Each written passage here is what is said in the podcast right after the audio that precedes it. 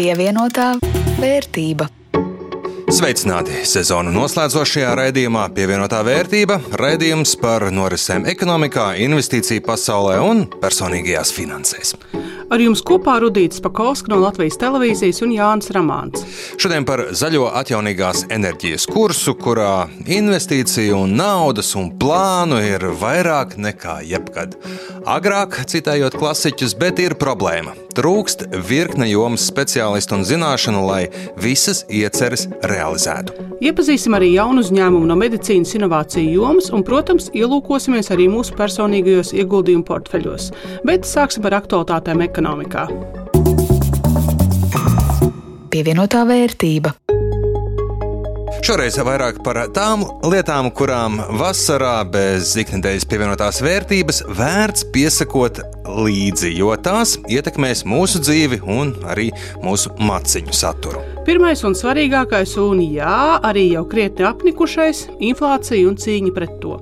Ikdienā cenu kāpums sāpīgi mazina pirktspēju, bet lielākā mērogā, ja Eiropas Savienībā inflācija nerims, tad kredītu ņēmējiem sāpēs arvien vairāk. Jā, pērn nedēļa Eiropas centrālā banka vēl par 0,25% punktiem paaugstināja likmes, kas jau drīz arī atspoguļosies ikviena kredīta procentos. Un neizskatās, ka apetīte dzēst inflāciju piemetot pat drusciņai procentu likmēm, rimsies. Tur ir apņēmības pilni turpināt, kamēr ekonomika atveicināsies un cenu kāpums apstāsies. Nu, man galvā skan joks, ka sišana turpināsies tik ilgi, kamēr darbinieku morāle uzlabosies, bet nu labi.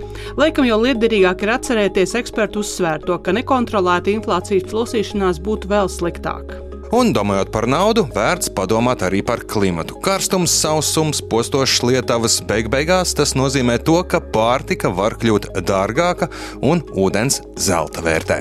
Nu, nemaz nerunājot par, piemēram, šā brīža sausuma radīto ugunsgrēku risku. Tiem, kuriem nākotnes finansiālā drošība ir šobrīd augošs mežs, katrs sausuma vilnis ir reāls draudz investīcijām. Vasara arī solās būt politiski karsta. Varētu jau teikt, strūns par tām politiķu intrigām, bet aiz starp partiju drāmas slēpjas pavisam reāli lēmumi, kas ietekmē Latvijas ekonomisko dzīvi. Ko darīt ar darba spēku trūkumu, vai un kur valsts un pašvaldību uzņēmumus piedāvāt biržā, ko darīt ar nodokļu izmaiņām, medicīnu, izglītību un agri vai vēlu šo lēmumu sekas, pieņemšanu vai nepieņemšanu sajutīsim savos kontos un dzīves kvalitātē. Un mācība ne tikai šai vasarai no ceļu kartelī iesaistītajiem. Telefona izslēgšana un palikšana zem dibena nepaglāb no tiesību sargājošajām iestādēm. Konkurences padoma atklāja karteli ceļu būvē un publisko sarunas, kas noklausīts par spīti tam, ka telefons izslēgts un palikt zem dibena. Jā, trīs uzņēmumi sarunājuši un sadalījuši ceļu iepirkumus. Nu, Latvijas valsts ceļi solās piedzīt zaudējumus, cik un kā tas izdosies, gan vēl nepavisam nav skaidrs pievienotā vērtība. Sen neesam runājuši par zaļo kursu enerģētikā, atjaunīgo resursu izmantošanu, kur visai daudz Eiropas un investoru naudas. Līdz ar Krievijas iebrukumu Ukrainā esam apjautuši, ka zaļais kurs tas nav tikai un vienīgi rūpes par planētas veselību, bet arī viens no veidiem, kā nodrošināt enerģētisko drošību un arī individuālā līmenī pasargāt savu maciņu no strauja, neprognozējama energoresursu cenu pieauguma. Un tas viss rezultējas tajā, ka atjaunīgās enerģijas nozare strauji auga bet ne bez grūtībām. Jau šobrīd vēja enerģijas nozara sastopas ar izaicinājumu, trūkst darba spēka, kas varētu realizēt apjomīgos investīciju projektus. Ignitis Renewable Latvijas vadītāja Baiba Lāce raksturo situāciju. Ir bezvējš. Ja? Tā tad uh, mums ir uh, iespējas, ir vēlmes, mm uh, ir darba vietas. Bet ar cilvēkiem uh, ir grūtības. Ir grūtības ar kvalificētu darba spēku, un uh, projektu attīstības posmi ir, ir dažādi. Tajā, kur šobrīd atrodas mūsu uzņēmums, mums varbūt vairāk ir vajadzīgi tieši šie projektu vadības speciālisti patreiz. Vidējā līmeņa vadītāji, augstākā līmeņa mm. vadītāji ar inženieru tehniskām. Zināšanām un zināšanām par vēja industriju trūkst tāpēc, ka nozare ir. Nozare atrodas šādā šūpuļa stāvoklī Latvijā, un uh, nav šo speciālistu, nav pieredzes. Uh, nav pieredzes ne tikai Latvijā, nav pieredzes arī uh, kaimiņos, Nav mums Baltijā šādas pieredzes. Speciālisti ir ļoti maz. Cilvēki, kuri ir uzbūvējuši kādu parku, ir ļoti maz. Tikpat kā nav. Un savukārt šo vēja parku dažādās attīstības stadijās šobrīd Latvijā jau ir ļoti daudz. Kā Lācis stāsta Vēja enerģijas asociācijas diskusijā, šobrīd uzņēmums šo problēmu risina piesaistot ārzemju speciālistus ar 15, 20 gadu pieredzi un cenšoties no viņiem pēc iespējas vairāk mācīties un pārņemt šīs zināšanas, jo īsti cerēt, ka vajadzīgos speciālistus sagatavos Latvijas mācību iestādes, arī nevar, jo arī tām nav tādu zināšanu un mācību spēku. Tam gan tikai daļēji piekrīt Rīgas Tehniskās Universitātes elektrotehnikas un vidas inženierzinātņu fakultātes prodekāne Laila Zemīte. Es varētu piekrist tikai daļēji. Pēdējos gados mēs esam pārstrādājuši absolūti visas studiju programmas, un uh, viņas ir akreditētas. Un, uh, nu, pat rīt pirmie desmit, laikam, vai apmēram desmit uh, viedās elektroenerģētikas absolventi, kam būs vadošā inženiera grāts, būs tirgu ar diplomiem. Līdz ar to nu, tam, ka tas nav nemaz un netiek mācīts līdz galam, es tā nevarētu teikt. Tā nav. Bet arī nu, ir jāņem vērā, jā, ka uh, tas process augstskolā pēc savas būtības ir lēns. Jo tas students, iestājoties pēc 12. klases, lai viņš kļūtu par speciālistu, tie ir pieci gadi. Šobrīd šis, turbo režīms ir gadu. Tātad reālais darba spēks eh, nozarei būs eh, nu, pēc četriem gadiem. Universitātes nav gaišreģi piebilst zemīt, lai zinātu, cik un kādus speciālistus vajadzēs pēc gadiem četriem. Turklāt nepietiek tikai ar to, ka, piemēram, vēja enerģijas nozare atnāk un saka, mums vajag tādus un šitādus speciālistus saražojiet. Ir jāspēj arī pašiem ieinteresēt jaunais students. Nu, nepietiek gluži ar to, ka tā nozara nāk uz augstskolu un saka, mums vajag trīs speciālistus. Nākat iepriekš, stāstiet, ko jūs darat, kas viņiem ir jāmācās, stāstiet par saviem projektiem, ieinteresējiet viņu, viņus, jo šobrīd tie jaunieši ir citādāki. Tiem jauniešiem ir nepieciešams tāds stimuls un viņiem ir nepieciešams radīt interesi par to.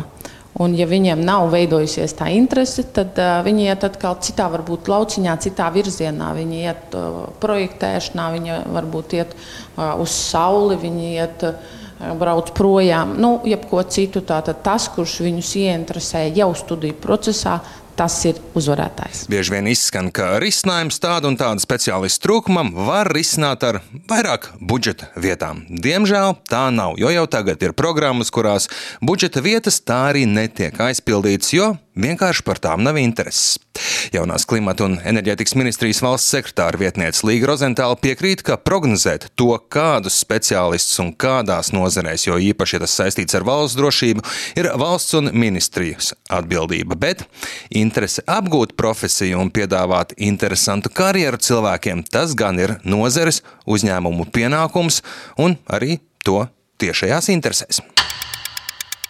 Daudzās Eiropas valstīs tomēr tā tradicionālā praksa ir, ka komersants eh, jau no skolas vecuma izaudzina sev tos darbiniekus faktiski. Un, eh, nu, principā, tad attiecīgi asociācijas var būt tās, kas inicijē, kas dodas runāt varbūt ar skolām, varbūt taisa kādas kampaņas, un pēc tam jau sarunātos savus nozares uzņēmumus, kas ir tajā asociācijā. Jūs tagad aiziet uz šo skolu, pastāstiet, jūs tagad aiziet uz šo. Es ar direktoru esmu vienojies, jūs drīkstat iet un stāstīt. Nu, tas droši vien ir tas, kas, jo es šobrīd redzu, ka tā lielākā, viena no lielākām problēmām ir tās budžeta vietas ir un tie studenti tur neaiziet. Jo tie, tie skolnieki vienkārši nav, nu, viņi nezina par to, ka viņiem tā varētu būt reāla karjera, ka mums te tagad būs lieli uh, krasta vēja parki, atkrastes vēja parki, sauszemes vēja parki. Nu, viss ir iespējas tiešām attīstīties ja, un iet uz šo jomu. Tāpēc iespējams, ka tas, ko jūs visvairāk jautājat, kurš tad ir tas, kurš varētu iet un inicijēt, iespējams, ka asociācijas ir tās. Ja. Runājot par prognozēm, ja šobrīd trūkst projektu vadītāju, augstāku un vidēju līmeņu vadītāju, tad raugoties nākotnē pēc gadiem, pieciem, desmit, kad šie projekti būs tomēr ar grūtībām realizēti, jau šobrīd paredzams, ka trūks profesionālu elektromehāniķu, kuru darbs tad būs uzturēt, apkopot un remontēt šos uzbūvētos atjaunīgās enerģijas objektus. Pievienotā vērtība. Laiks stāstam par Latvijas jaunu uzņēmumiem. Šoreiz viens no jomas, kurā patiesībā mums ir diezgan liela rosība - medicīna. Latvijā, ja precīzāk Baltijā, ir vairākas organizācijas, inkubātori, investīciju fondi, kur atbalsta inovācijas tieši medicīnā. Un, tā kā ir atbalsts, tad arī inovācijas tiek radītas un lūko kļūt par pelnošu biznesu. Iepazīsim jaunu uzņēmumu Sepsiskan, kuri Latvijas Universitātē zinātnieku radītu iekārtu lūko komercializēt. Lai stāsta paši.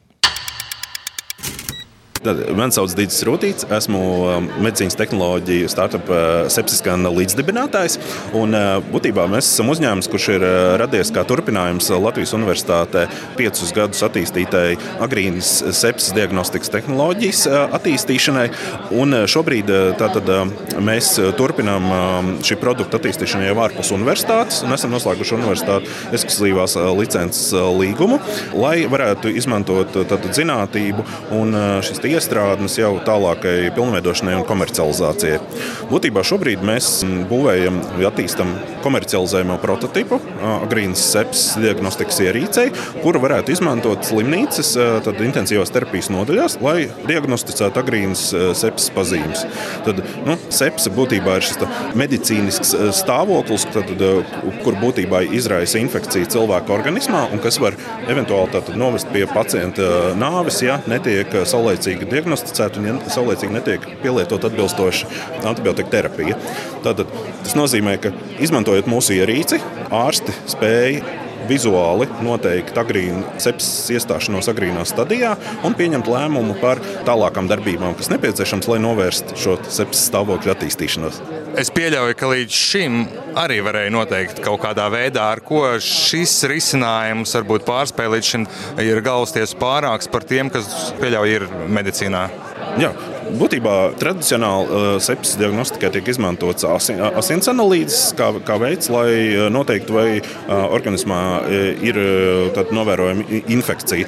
Un šādi, savukārt mūsu tehnoloģija palīdz ļoti agrīnā stadijā, tad, kad vēl šīs sepsis pazīmes nav ar acis saskatāmas, redzēt izmaiņas tātad, zemādas audu slānī un tātad, arī dot būtībā ārstam signālu, ka ir nepieciešams veikt jau tālākas darbības, lai pārliecinātos, vai tiešām sepsis stāvoklis ir, ir iestājies un nepieciešams arī izmantot jau arī kādu me, eh, medicīnisku terapiju, arī eh, izmantot zāles. Lieliski ideja, jo droši vien jūs risināt vienkārši eh, nozīmīgu problēmu un pārsvarā tādiem labiem nodomiem un vēlmu uzlabot dzīves kvalitāti, atrisināt kādu problēmu. Bet kur biznesa? Bizness ir principā šo ierīču pārdošanā. Tradicionāls, teiksim, saucamais biznesa to biznesa ierīču pārdošanas modelis, kur gala pircējs šādai ierīcei varētu būt slimnīca vai, vai tā ir valsts vai privātā klīnika tas pat nav šajā gadījumā būt tik būtiski.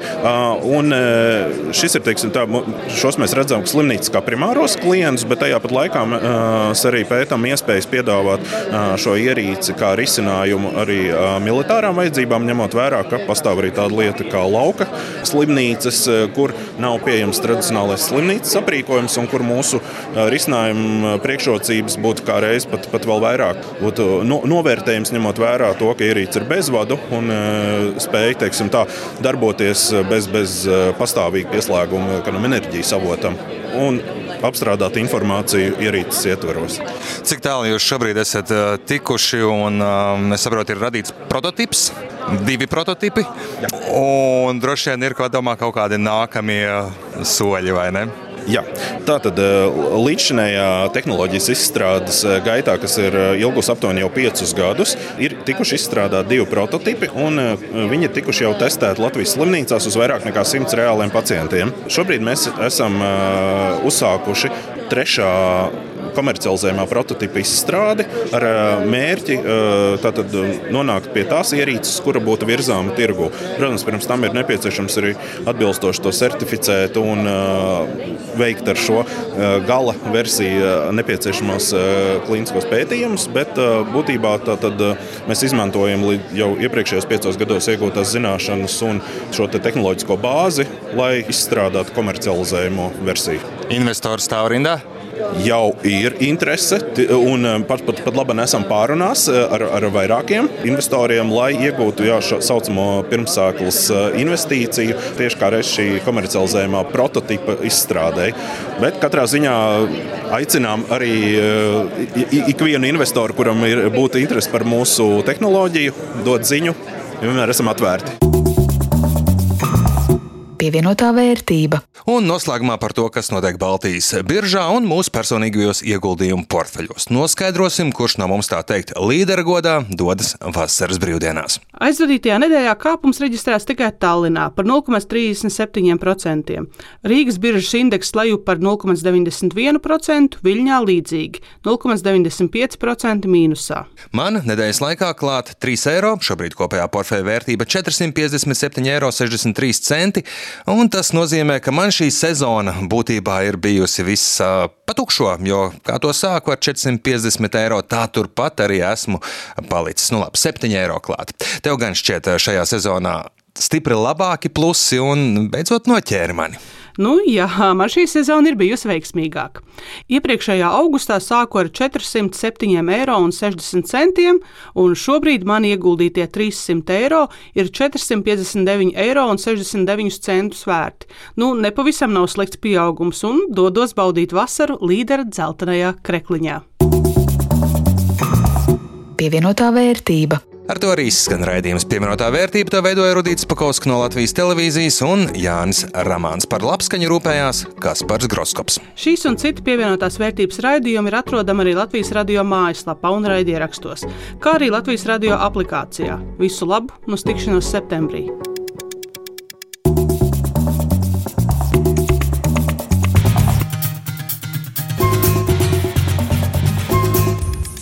Pievienotā vērtība.